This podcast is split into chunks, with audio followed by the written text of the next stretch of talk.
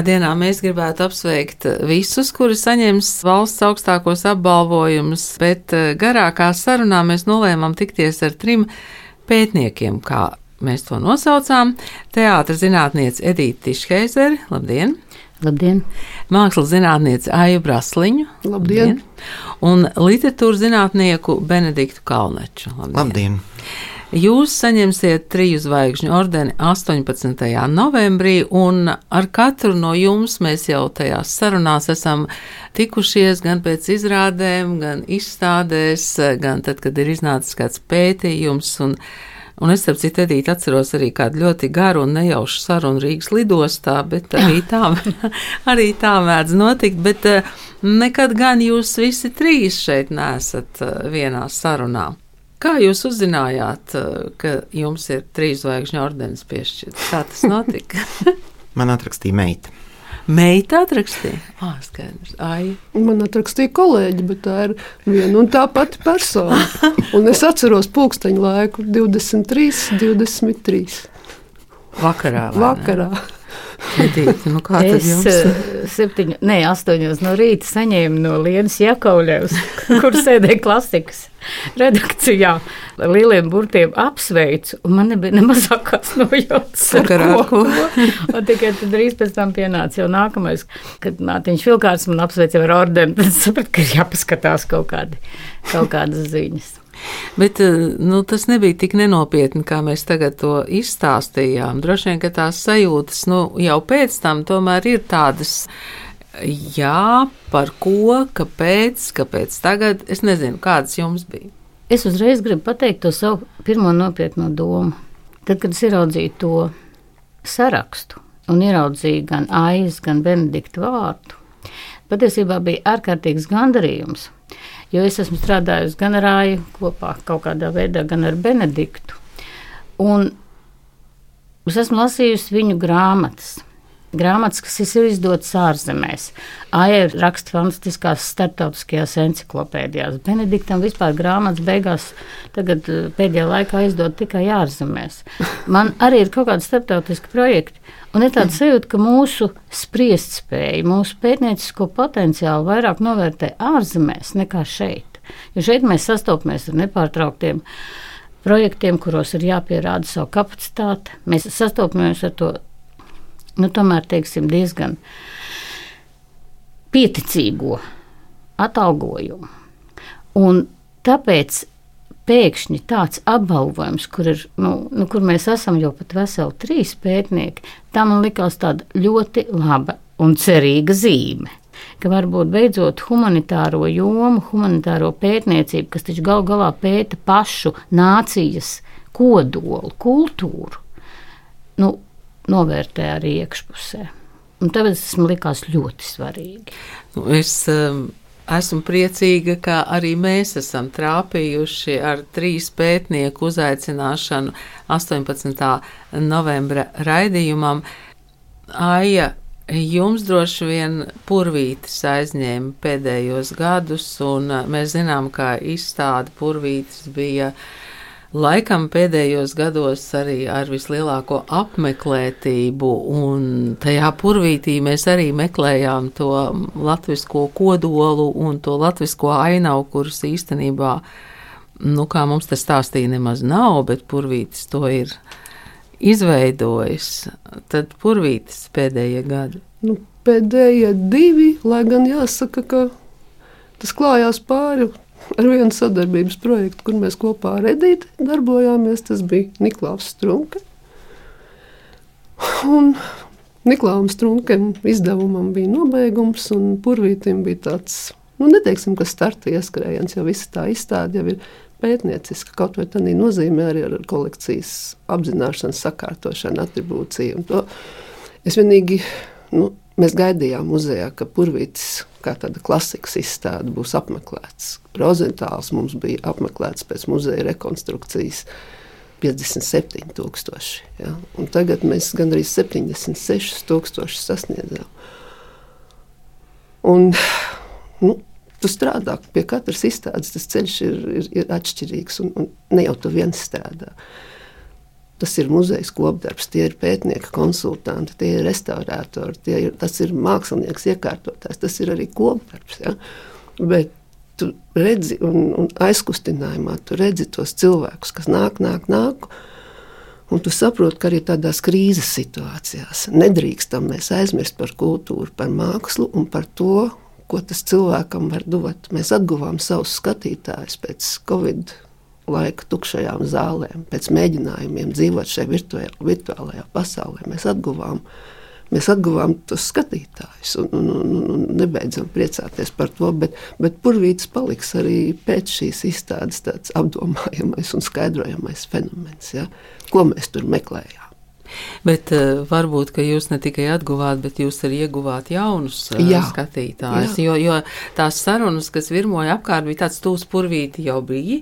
À, pagarināja. Ja? Tā, kā, nu, tā pēdējā nedēļa, es saprotu, ka arī Latvijas Nacionālajiem Mākslas muzejam bija tāds pārbaudījums. pārbaudījums. Nē, bet tas par tām dažādajām paudzēm tas ir svarīgi. Tas varbūt arī tas, ko, ko Edīte sāk teikt. Nu, mēs, esam, mēs visi strādājam tajā klasikas zonā, tajā kultūras mantojuma zonā. Un, un te ir jābūt arī tai pēctecībai, kā tās paudzes, kā mēs varam to nodot, kā mēs to varam noraidīt ja, lai, lai, lai tas būtu uztverami, lai mums nav tikai senioru rīti. Ja. Benedikta, kas ir jūsu tās pētniecības zonas tagad pēdējos gados? Man šķiet, ka mēs pēdējo reizi tikāmies par Blaumani. Un, un vācisko versiju. Jā, mēs runājām par Blaumaņa rakstu, Blaumaņa daļradē veltītu rakstu krājumu, kas iznāca Vācijā. Tāpēc jau varbūt Edīte mazliet par mani smaida, ka ir daudz kas, daudz kas ārzemēs, bet tagad būs arī kaut kas Latvijā runājot par, par Blaumani. Es domāju, ka vispār es gribēju laikam sākt ar to, ka man ļoti liels prieks arī par, par abām kolēģiem, ko jau jūs teicāt. Es domāju, ka tas ir brīnišķīgs novērtējums darbam, kas tiek darīts gan kultūras mantojuma teiksim, saglabāšanā, un man liekas, ka Nacionālais mākslas muzejs ārkārtīgi veiksmīgi pēdējos gados ir ar to nodarbojies, bet arī vienmēr sabalansējot. Ir arī ļoti laikmetīgas un jaunas izstādes, ja līdzās, un tas kopējais process, tas jau arī varbūt tad paceļ, teiksim, arī izstādi, kas veltīta, piemēram, Vilhelmam Purvītim, tādā jaunā pakāpē, un, un savukārt teātrī, man jau liekas, ka Edīte tiešais ir tas piemērs, kurš un cilvēks, kurš lieliski apvieno varbūt tādu ļoti dziļu izpratni par teātra tām tradīcijām un visam tam teātra pieejām ar um, ļoti precīzi tad laikmetīgā teātra izjūtu un to laikmetīgā teātra pulsu. Un tas paudžu jautājums, kas parādījās, jā, ir, ir ļoti svarīgi, lai teātrī ienāk jauni skatītāji, lai uz Nacionālo mākslas muzeju atnāk jauni skatītāji, man pētot pēdējos gados vairāk 19. gadsimta varbūt eh, literatūru, un tā skaitā ar diezgan lielu fokusu arī uz Blaumanu, arī viena no lietām, kas ir noteikti svarīgas, ir tās, lai Blaumani ierauga varbūt ar mazliet ar jaunām acīm, un tāpat arī citus šī laika autorus, ka viņi ir piederīgi ne tikai tam laikmetam, bet arī ļoti lielā mērā viņi var būt piederīgi šodienai. Tad eh, Laumani arī izlasa kāds jaunais lasītājs. Es ļoti ceru, nu, man ir pašam tāda um, patīkama pieredze ar to, ka Nacionālajā encyklopēdijā, kuri man diezgan daudz šķirkļi arī rakstīti par dažādām literatūras tēmām, viņi tā kā katru gadu atzīmē ne tikai par literatūru, vai, vai, bet par dažādām nozarēm tos rakstītos šķirkļus. Un tas, kas, piemēram, ir rakstīts par Blaumanu, tas tie šķirkļi ir viena no visvairāk lasītajiem tajā. Nu, kā saka, pašā augšgalā. Un tas nozīmē, ka, ja cilvēki grib lasīt kaut ko par kādu autoru, tas nozīmē, ka viņi nu, vismaz mazliet jau ieskatās arī tā autora darītajā. Tā kā es domāju, ka tā tam man šķiet vajadzētu būt. Mēs esam gluži nejauši pietuvojušies vai, vai eh, turpinām tos paudžu jautājumus, jo uh, Edīte, es biju izrakstījusi no jūsu atvadas lejas eh, teātra vēstnesī tādus vārdus, ka māksla ir jaunu cilvēku neierobežotās fantāzijas un lidojuma lieta, un jaunai ir jābūt arī refleksijai par to. Jūs tagad teātra vēstnesi tā droši esat nodevusi jaunās rokās? Nu, Droši vai ne? Tas jau tā kā atvadīties zināmā mērā no bērna. Tu jau viņam seko līdzi tāpat, un es kā literārā redaktora tur vienalga vēl kādu brīdi esmu klāt. Bet jā, es esmu nodevusi, jo man liekas, ka ir jāatdod tajā brīdī, kad, nu tā, ir kaut kāds līmenis sasniegts, tu zini, ka augstāk tu droši vien vairs neuzlieks, un lai jaunie lec tālāk. Un, Nu, tas ir ļoti liels prieks redzēt, kā jaunie kolēģi, tas ir gan institūtā, gan ģimenē, kad jaunie cilvēki iet par tevi tālāk, un tu kādā brīdī saki, oi, šito es vairs nesaprotu, bet viņi saprota. Un jā, Jutāns Čirčs, man liekas, tāds ļoti gaišs cilvēks ar ļoti asu prātu, kategoriski kā visi jaunie, Bet tam tā ir jābūt. Tā tas jo, jo tikai vēlāk, tieši tā, jo tikai vēlāk iestājas humora izjūta un tolerants. Un uh, man liekas, ka jauni cilvēki arī uzreiz, es ļoti ceru, pievilks arī jaunus, jaunus uh, lasītājus. Jo, ja mēs gribam, lai tās papīrs paliek, lai tā tipogrāfijas smarža kādu interesē rīt un parīt un aizparīt, nu tad Nu, tad tur ir jāmeklē jauna spēka un jauna veida, kā viņus pievilināt. Nu, bet ir jau tā digitālā vide arī, vai ne? Teātris nu, tā jau nekur nepaliek. Tā ir ļoti vērtīga. Es viņu kā pētniece novērtēju aizvien vairāk, ka es varu jebkuru literatūru saņemt šeit. bet, nu, bet tā tipogrāfijas smarža, tā krāsas smarža, man liekas, viņi ir. Nu, nu, to, nu, to negribētu zaudēt. Edīt, jūs arī spēļu nakts žūrijā esat priekšsēdētāji, un mēs esam nopietni arī runājuši par tiem procesiem teātrī. Nu, tad, kad teātris nav pienākums, jūs kādreiz arī tāpat aiziet uz teātri? Šo sezonu, šo sezonu es smējos, ka man vēl ir drusku žūrijas paģirs. Un es eju tiešām tikai uz tādām izrādēm, kas man liekas ļoti interesantas. Tas lielākoties izrādās neatkarīgajos teātros. nu jā, vai arī. Nē, es aizēju, bet, bet mazāk, bet mazāk noteikti mazāk.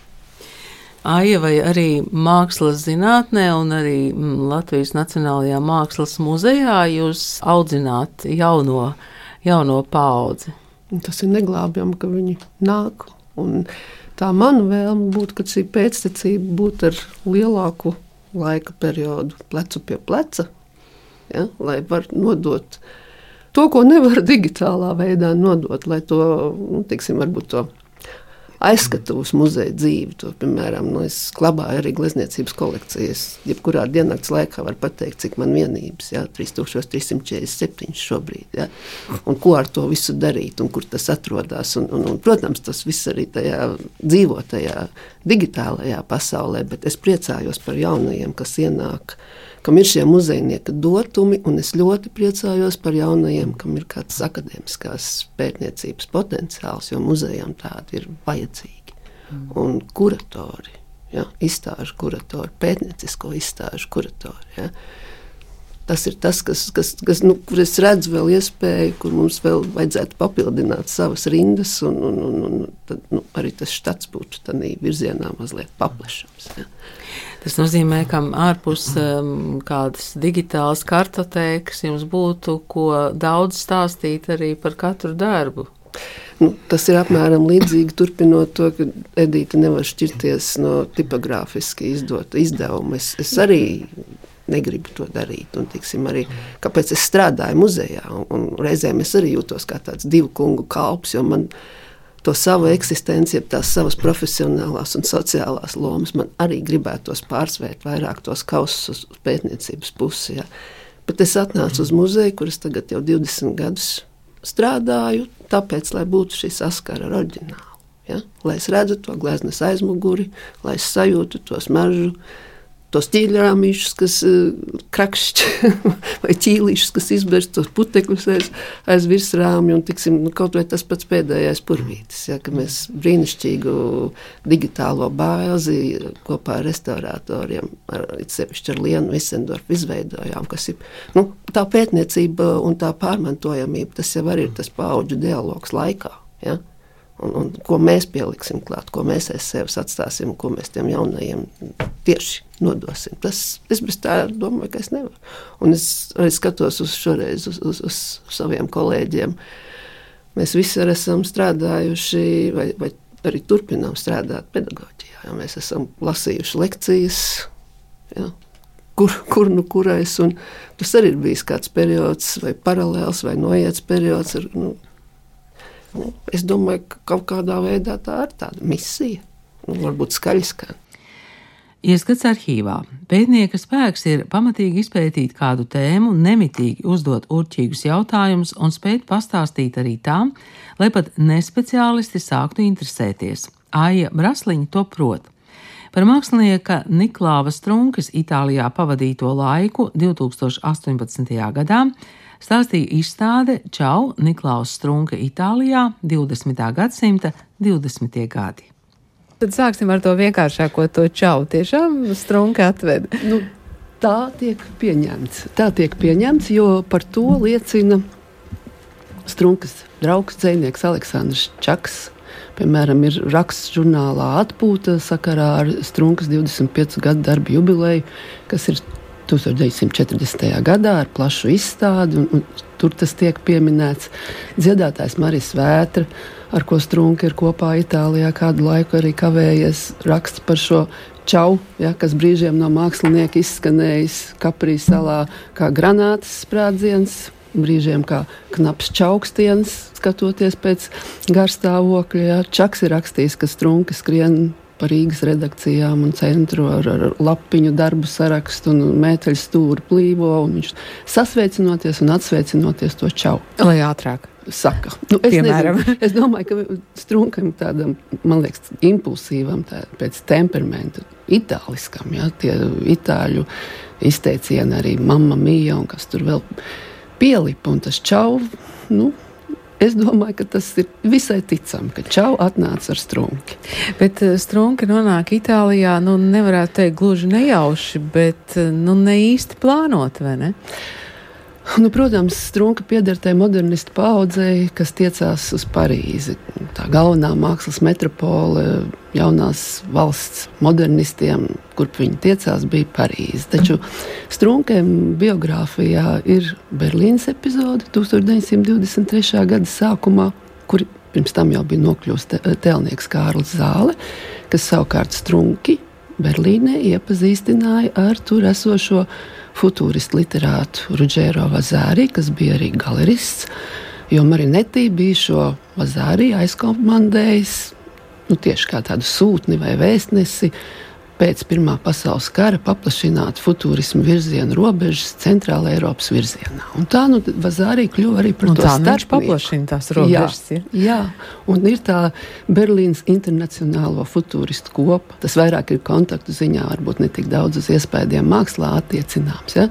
Un ja var ticēt mākslas vēsturniekam Jānim Siliņam, tad tieši Vazārī ir aicinājis Strunki doties tālāk uz Itāliju un Romā ievedis tais avangardisku aprindās, kur Strunke uzturās.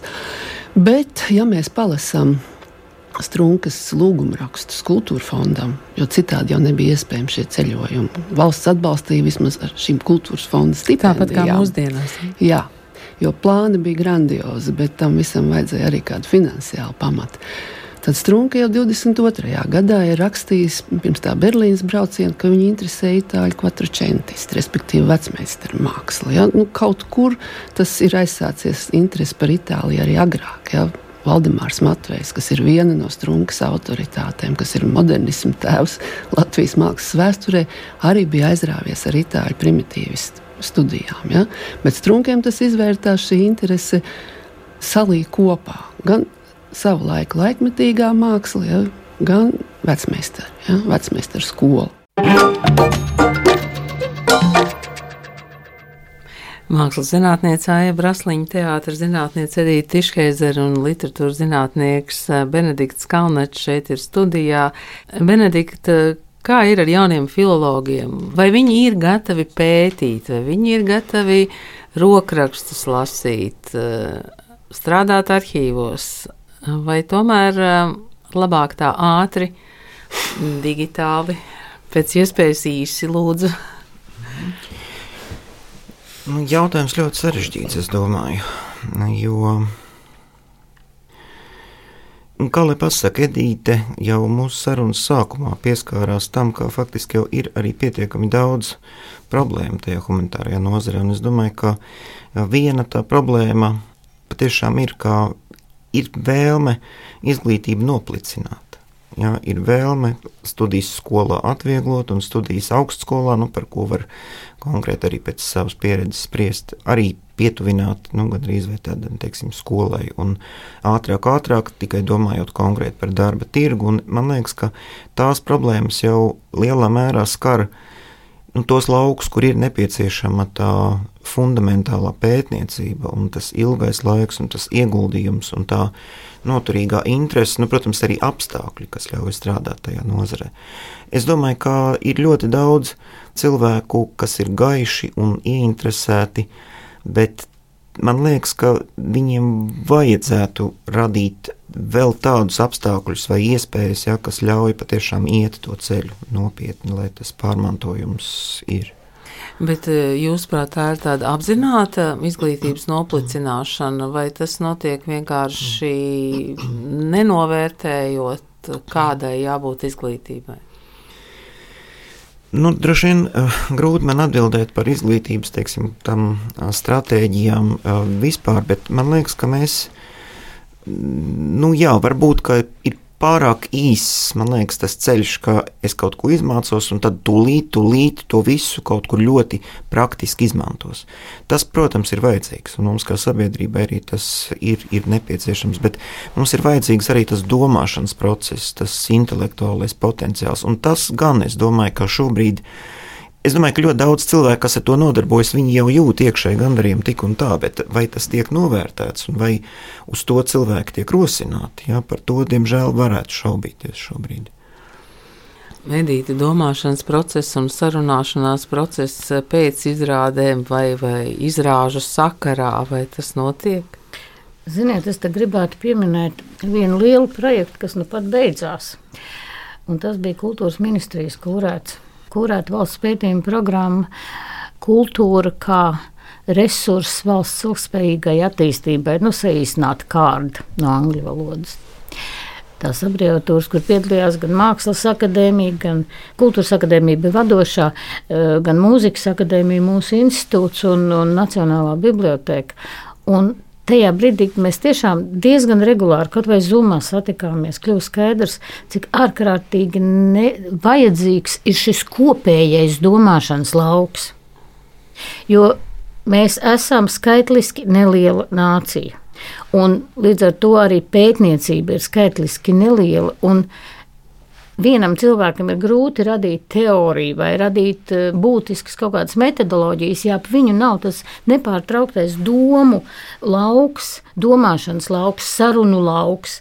Tāpēc man ārkārtīgi patīk strādāt literatūras folkloras mākslas institūtā, ka mums ir ļoti dažādi pētījumi un tu klausies, ko kolēģis saka, un tas tā tāds atomu reakcijā izsit ārā pilnīgi citus eh, elektronus, neitronus vai kas tur ir, un tu pilnīgi citādi paskaties uz savu problēmu, kas tev likās vai nu neatrisinām, vai pilnīgi.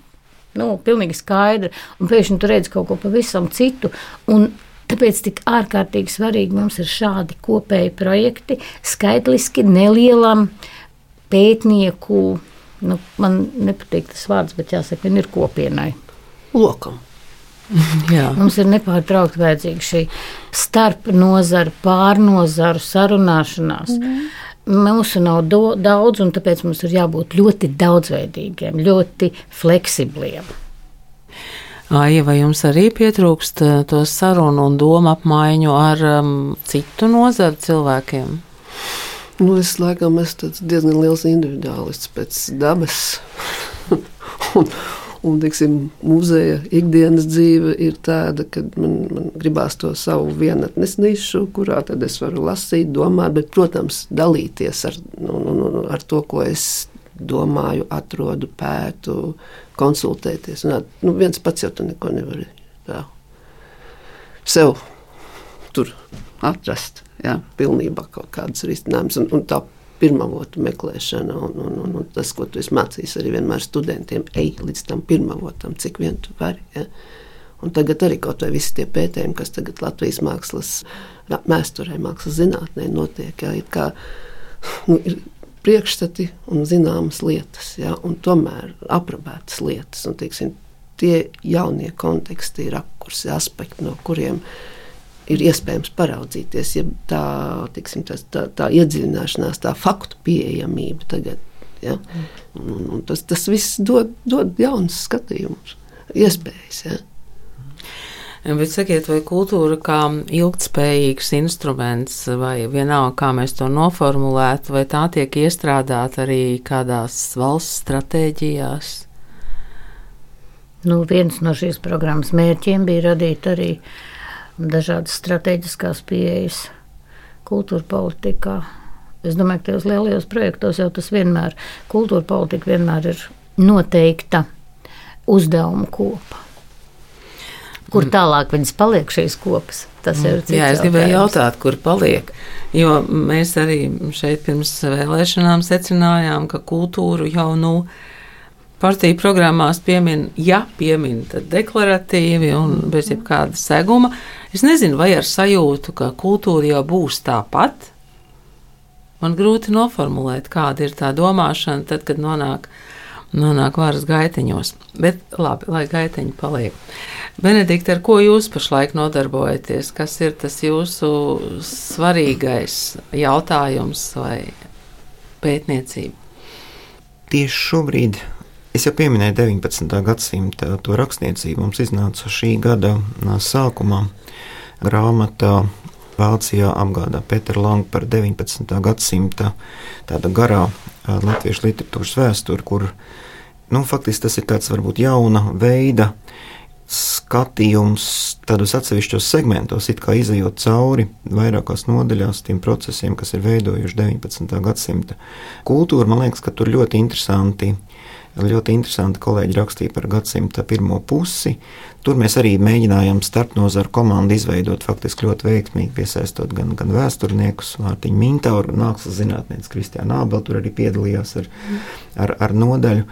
Un man pētījumi bija vairāk par 19. gadsimta otro pusi. Šobrīd ir tā, ka es lasu maketu grāmatai par nu, pēdējā sagatavošanas stadijā, ir, ir posmā, ir grāmata par par eh, Rudolfu Blaumani un 19. gadsimta kultūru. Tā varētu teikt, nu, tā būs latviešu valodā. Tā, tā būs latviešu, jā. tā iznāks. Tepat un nu, iespējams šī gada beigās vai nākamā gada sākumā, kad, kad Blaumanim ir eh, jubileja, padomāšu. Tūlīt cik, laikam, 160 gadi tie ir. Un, un, nu, tas ir tāds, grāmata nav tapusi tāpēc, bet, protams, ka ir tāds labs brīdis, kad arī šādi šādi datumi sakrīt. Tā kā tas droši vien ir tas pašlaik aktuālākais. Ieskats kultūras rondo arhīvā. 2016. gadā Benediktam Kalnačam Vācijā angliski izdot monogrāfiju par Baltijas drāmu. Apgāds aiztētis Ferlāg ir akadēmiski spēcīgākais Vācijā, kur interesē dažāda veida literatūra un pētniecība.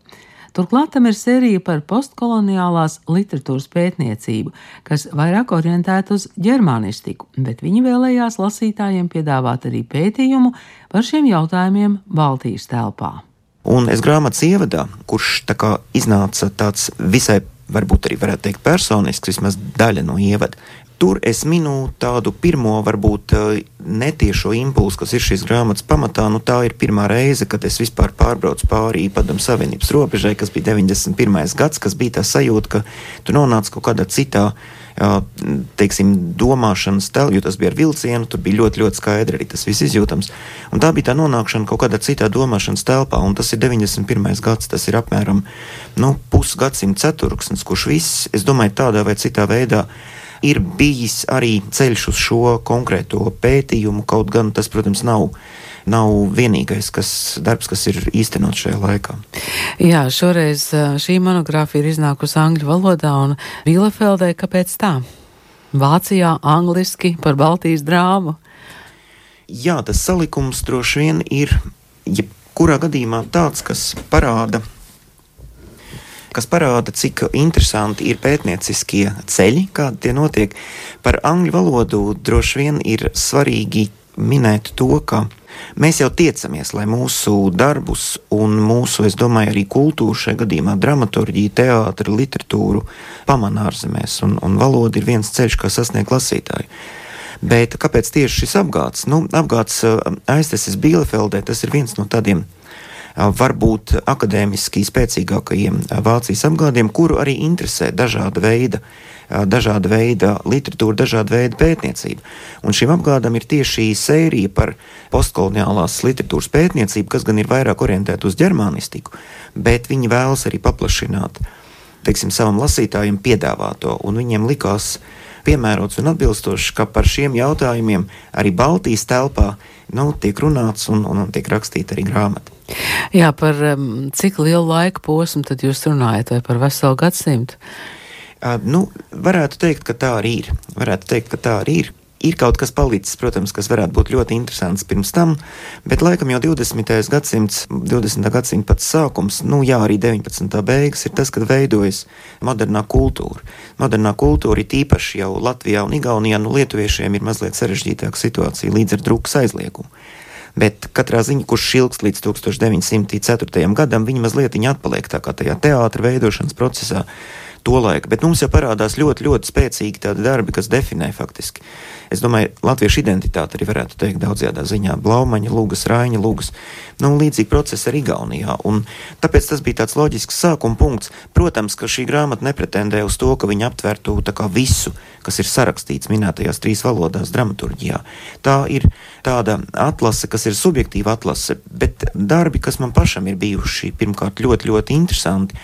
Un daudzi no viņiem tādā vai citā veidā ir arī pēc tam turpinājuši dzīvot. Jo nu, dramaturgijai ir tā labā iezīme, ka tā tiek arī atkārtoti iestudēta daudzkārt. Vai jūs pētījāt, lasījāt tekstus, lūgas tekstos, vai jūs braucāt un skatījāties izrādes? Gan, gan, gan, gan. Un, protams, ka te ļoti daudz arī palīdzējuši ir kolēģi gan Igaunijā, gan Lietuvā ar, ar saviem tekstiem. Un, nu, ar, ar saviem padomiem, kuri teksti ir tie, kas būtu jāizvēlas. Bet, jā, cik bija iespējams tajā laikā, kad, kad tapa grāmata un aktīvi tie droši vien bija Šī grāmata, tie, tad, tie droši vien bija varbūt nu, 6, 7 gadi, es domāju, noteikti, domājot arī par to iepriekšējo tekstu. Jā, tas bija tāds laiks, kad nu, izdevās apmeklēt arī diezgan daudz teātris festivālus, īpaši Igaunijā, kur ir brīnišķīgs festivāls Igauniem.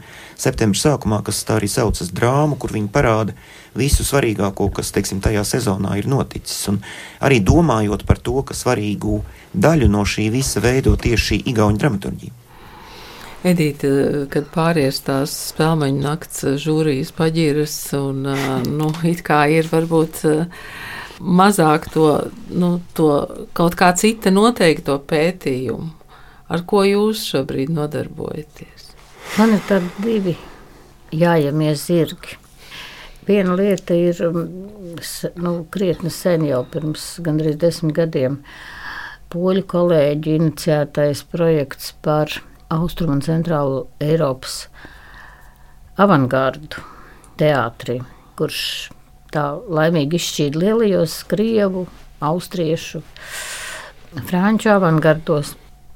Un kā turpinājums vai kā atzars tam bija arī Niklaus Strunke, kas man bija ārkārtīgi interesants un, un tāds, nu tas vairs pat īstenībā nav turpinājums, drīzāk tāds attīstība no tā, uh, Nu, izdevniecība neputns domā par apmēram tādu pašu lieluma pētījumu par Ludolfu Libertu, kur, kur arī man mīlestība pret operu iekšā. Bet otra lieta, kas man liekas ļoti būtiska un ļoti būtiska tēma, ko vajadzētu, ko vajadzētu attīstīt, tas ir 60. un 80. gadu mākslas procesu un marginālo procesu un neatzīto procesu pārvērtēšana. Un es domāju, ka tas ir visās mākslas jomās. Mm. Un teātrī tas ir jo svarīgāk, jo atšķirībā no mākslas un literatūras. Mums ir tikai atmiņas, un mums ir jāatver tās atmiņas tikmēr, kamēr ir dzīve atmiņu nesēja. Jo Rīgas pantomīma, Modris Tenisons, lūk, jau cilvēks, kas ir aizgājis. Tā ir nenotvērts tas, ko sāka darīt Māra Čimela. Viss tā performāņu kustība, kas tajā brīdī, vai happening, sauciet, kā gribat, daudzas izrādes, kuras tika to brīdi atzītas par neveiksmēm. Bet varbūt viņas vienkārši bija pilnīgi citā paradigmā. Viņas neatbild sociālistiskā realismu prasībām. tas man liekas, tas ir tas. Nu, tas ir tā, ir tā viena lieta, ko vajadzētu pagūt izdarīt. Bet Kamēr vēl ir atmiņu nesēji. Protams, ka grūta. Protams, ka grūta. Un, jo man ļoti gribētos, lai, lai padomu laiks no vienas puses tiktu izvērtēts, bet viņš netiktu arī demonizēts. Mēs nebijām nekādi vergi. Mēs nevilkām savu dzīvību. Mēs dzīvojām pietiekami pilnīgi, jā, ar ierobežojumiem, bet mēs arī šodien dzīvojam ar ierobežojumiem. Ieskats kultūras rondo arhīvā. Latvijas Nacionālajā bibliotekā tika atklāts teātra un kino kritiķa Normunda Naumaņa personīgās bibliotekas grāmatplaukts. Pēc grāmatplaukta atklāšanas notika diskusija, cik dzīva ir Naumaņa kultūrnieze, kritikas loma un ietekme. Tajā piedalījās arī Edīte Tišheizere, kura kļuva arī par laureāti Normunda Naumaņa balvai mākslu kritikā. Ar formātiem ir ļoti normāli. Tā ir viena no pirmajām lietām, ko iemācās, kad tu mācies. Tev ir jāsaprot, izteikt tavu domu, tik zīmēs vai tik lapusēs, cik tev ir dots. Man liekas būtiski tas, kas man ļoti pietrūkst kā lasītājai, un kas man ļoti pietrūkst arī kā teātris vēstneša redaktorei. Cilvēki no citām jomām, kas gribētu izteikties, paskatīties no cita redzes viedokļa. Tāpēc arī teātris vēstnesī velku iekšā Vēju un Jerehumoviču un Denisu Hanavu. Tāpēc man šausmīgi gribas, lai atkal būtu tas, ko darīja Normons. Jo Normons bija viens no tiem, es atkal pie viņa atgriežos, kurš gāja pāri robežām, kurš skatīja kultūru kā vienotu procesu. Jo mēs visi tomēr rakstām. Jēgors vairāk, bet mēs vispār rakstām par ļoti šauru. Mums ir ļoti noteikts savas mākslas klapes. Un man liekas, ārkārtīgi interesanti, ja mums vairāk būtu šo cilvēku, kas varētu iet pāri tām robežām. Un ja mums būtu izdevumi vairāk, kurā tiktu meklēt tieši šie krustceļi, tās skatīšanās no citas puses, no pilnīgi citas platformas. Nu, tā tad 60. un 80. gadu neatzītā vai nenovērtētā māksla, Aija, Strunke, Rozentāls, Purvītis. Man tā muzejā glabājamā Latvijas glezniecības kolekcija ir laika periods no 18. gadsimta beigām līdz 20. gadsimta vidum, nu, pirmā puses.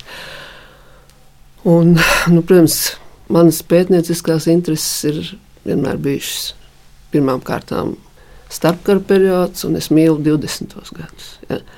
Bet nu, gadsimtu mīja pamazām viens otrs lielais klasiķis izstādes.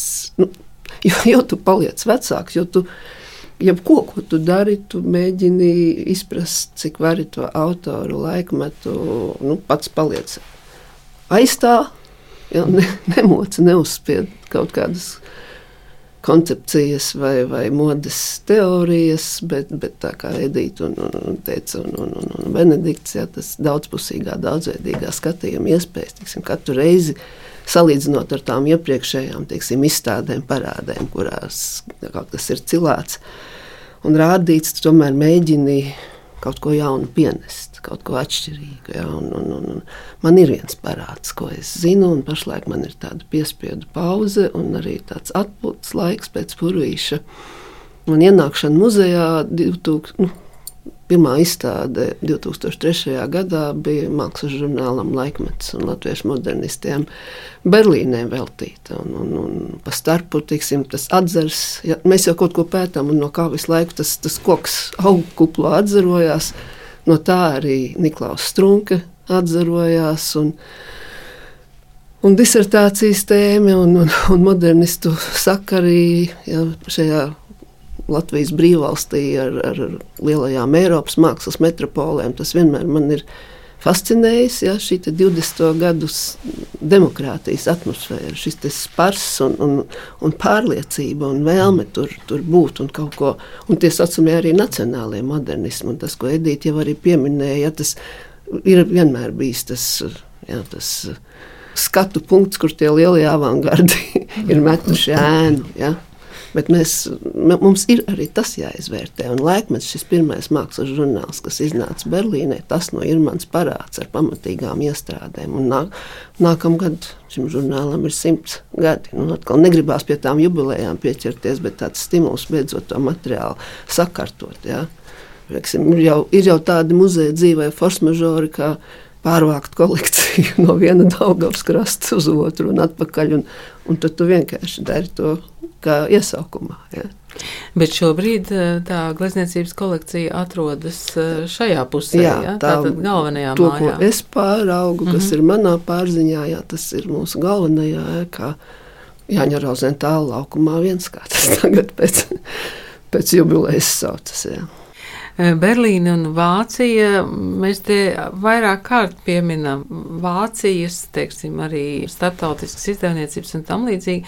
Kas viņus ieinteresē tajā, ko mēs varam pateikt? Vai, vai tas, par ko jūs rakstāt? Grūti pateikt.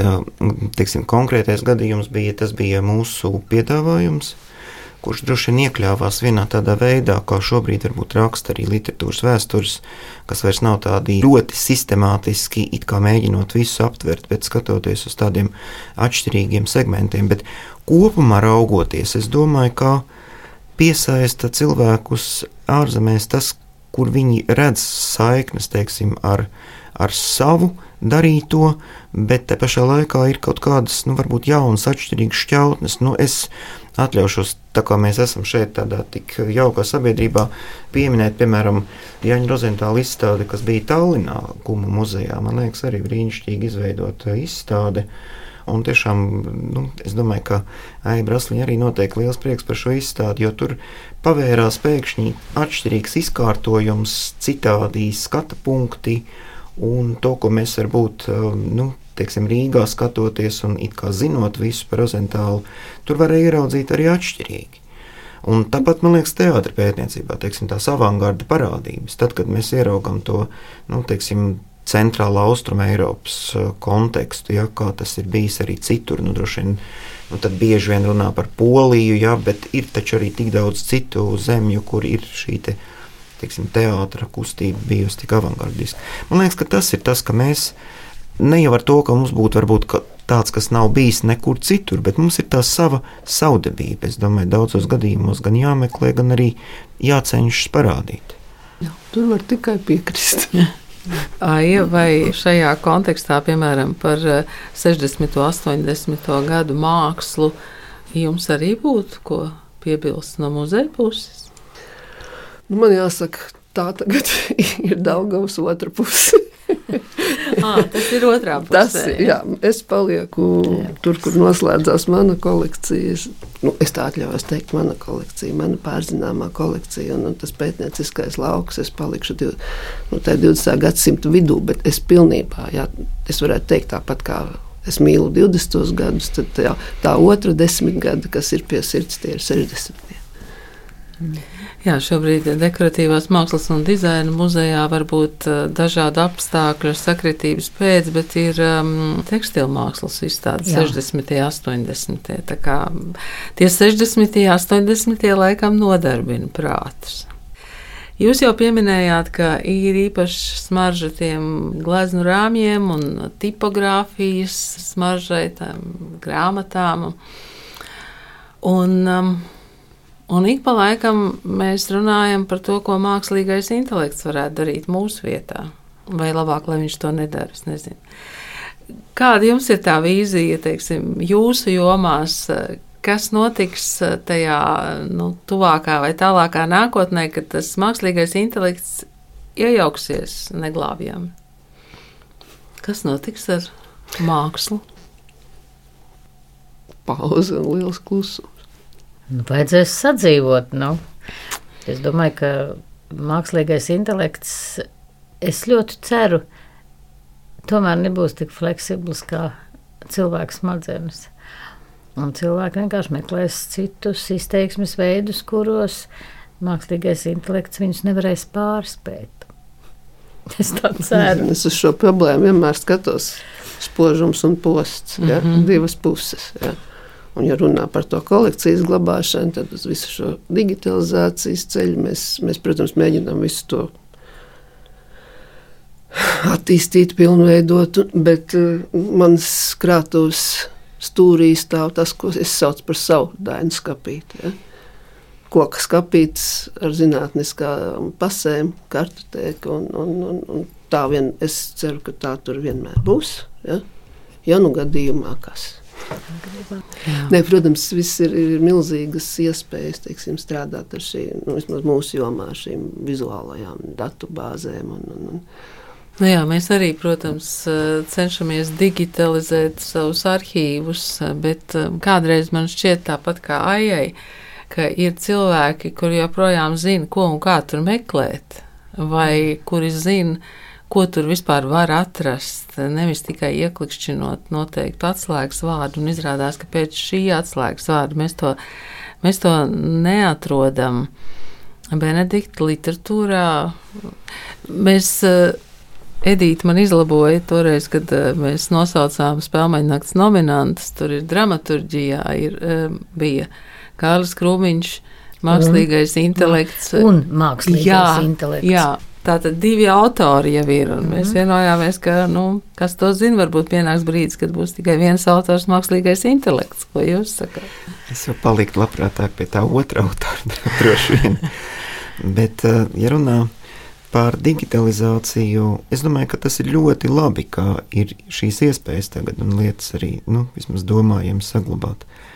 Bet pētniecībā jau tas nav procesa gals, tas ir teiksim, procesa sākums, jā, kad ir šis materiāls, un tad uz tā pētnieks var atspērties. Un, nu, man liekas, ka jāatgriežas pie tā vārda par domāšanu, jā, to domāšanu, analizēšanu. To tas nevar aizstāt. Kaut gan ir jaunas metodes, ar kurām var varbūt ātrāk nokļūt pie rezultāta, kāds nebūtu iepriekš iespējams. Bet, uh, cilvēku pagaidām tomēr, nu, vismaz humanitārajās zinātnēs un, un mākslā, es domāju, aizstāt īsti nevar. Ja man liekas, ka viena no tādām lietām, kas ir pētniecībā, ar kuriem mums ļoti bieži ir jāsastopās, ir paradoksi. Un man šķiet, ka mākslīgais intelekts tomēr varētu nesaprast tādas lietas kā paradoks, humors, sarkas, ironija. Vismaz kādu jā. laiku. Un, un, un šīs cilvēka domāšanas nobīdes viņam nebūs varbūt uzreiz saprotams. Es šodien jums eh, saku paldies par sarunu, un, protams, ka šajā dienā mēs gribam apsveikt visus, kas eh, saņems trīs zvaigžņu ordeni, arī Leļu teātra direktoru Vilni Beķeri un Leļu teātra aktrisi un režisori Viju Blūzmu un Valmieras drāmas teātra aktrisi Ināru Ieviņu un komponistu Raimondu Tigulu, un, protams, arī visus, visus, kas pārstāv pilnīgi citas jomas, ne humanitāro pētniecību, bet šodien, šodien paldies trim pētniekiem, kurus saņems trīs zvaigžņu ordeni. Teātris zinātniecei Edītē Tišheizerei, paldies! Mākslas zinātniecei Aijai Brasliņai un literatūras zinātniekam Benediktam Kalnačam. Paldies jums!